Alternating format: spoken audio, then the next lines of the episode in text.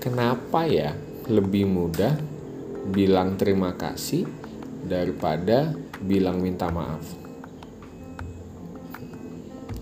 Yuk kita renungin yuk. Salam jumpa Teruna.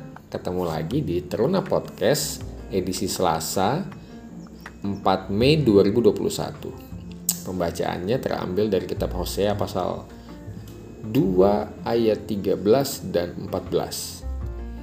Topik kita pada hari ini pengampunan yang memulihkan. Kita kembali ke pertanyaan pertama. Kenapa ya lebih mudah berkata terima kasih daripada minta maaf?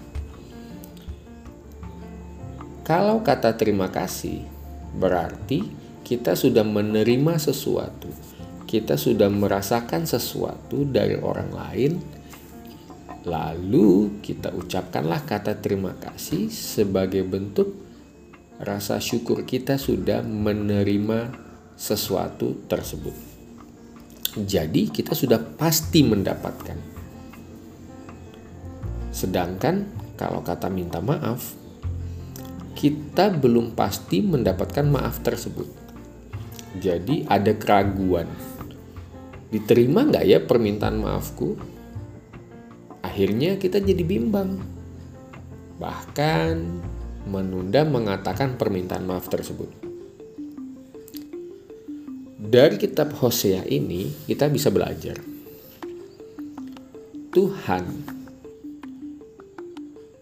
bersedia mendengarkan permintaan maaf kita. Tuhan bersedia mengampuni segala dosa kita Bahkan dia sudah mengorbankan dirinya duluan untuk kita. Bukan hanya itu, Tuhan tidak menunggu untuk kita minta maaf. Bahkan Tuhan membujuk kita untuk mengakui kesalahan kita. Jadi, kita sudah pasti menerima maaf tersebut dari Tuhan yang Tuhan inginkan adalah yuk akui. Yuk minta maaf. Yuk tobat dan Tuhan pasti akan memberikan pemulihan seperti yang dilakukannya kepada bangsa Israel setelah bangsa Israel mengakui segala dosa dan kesalahan mereka.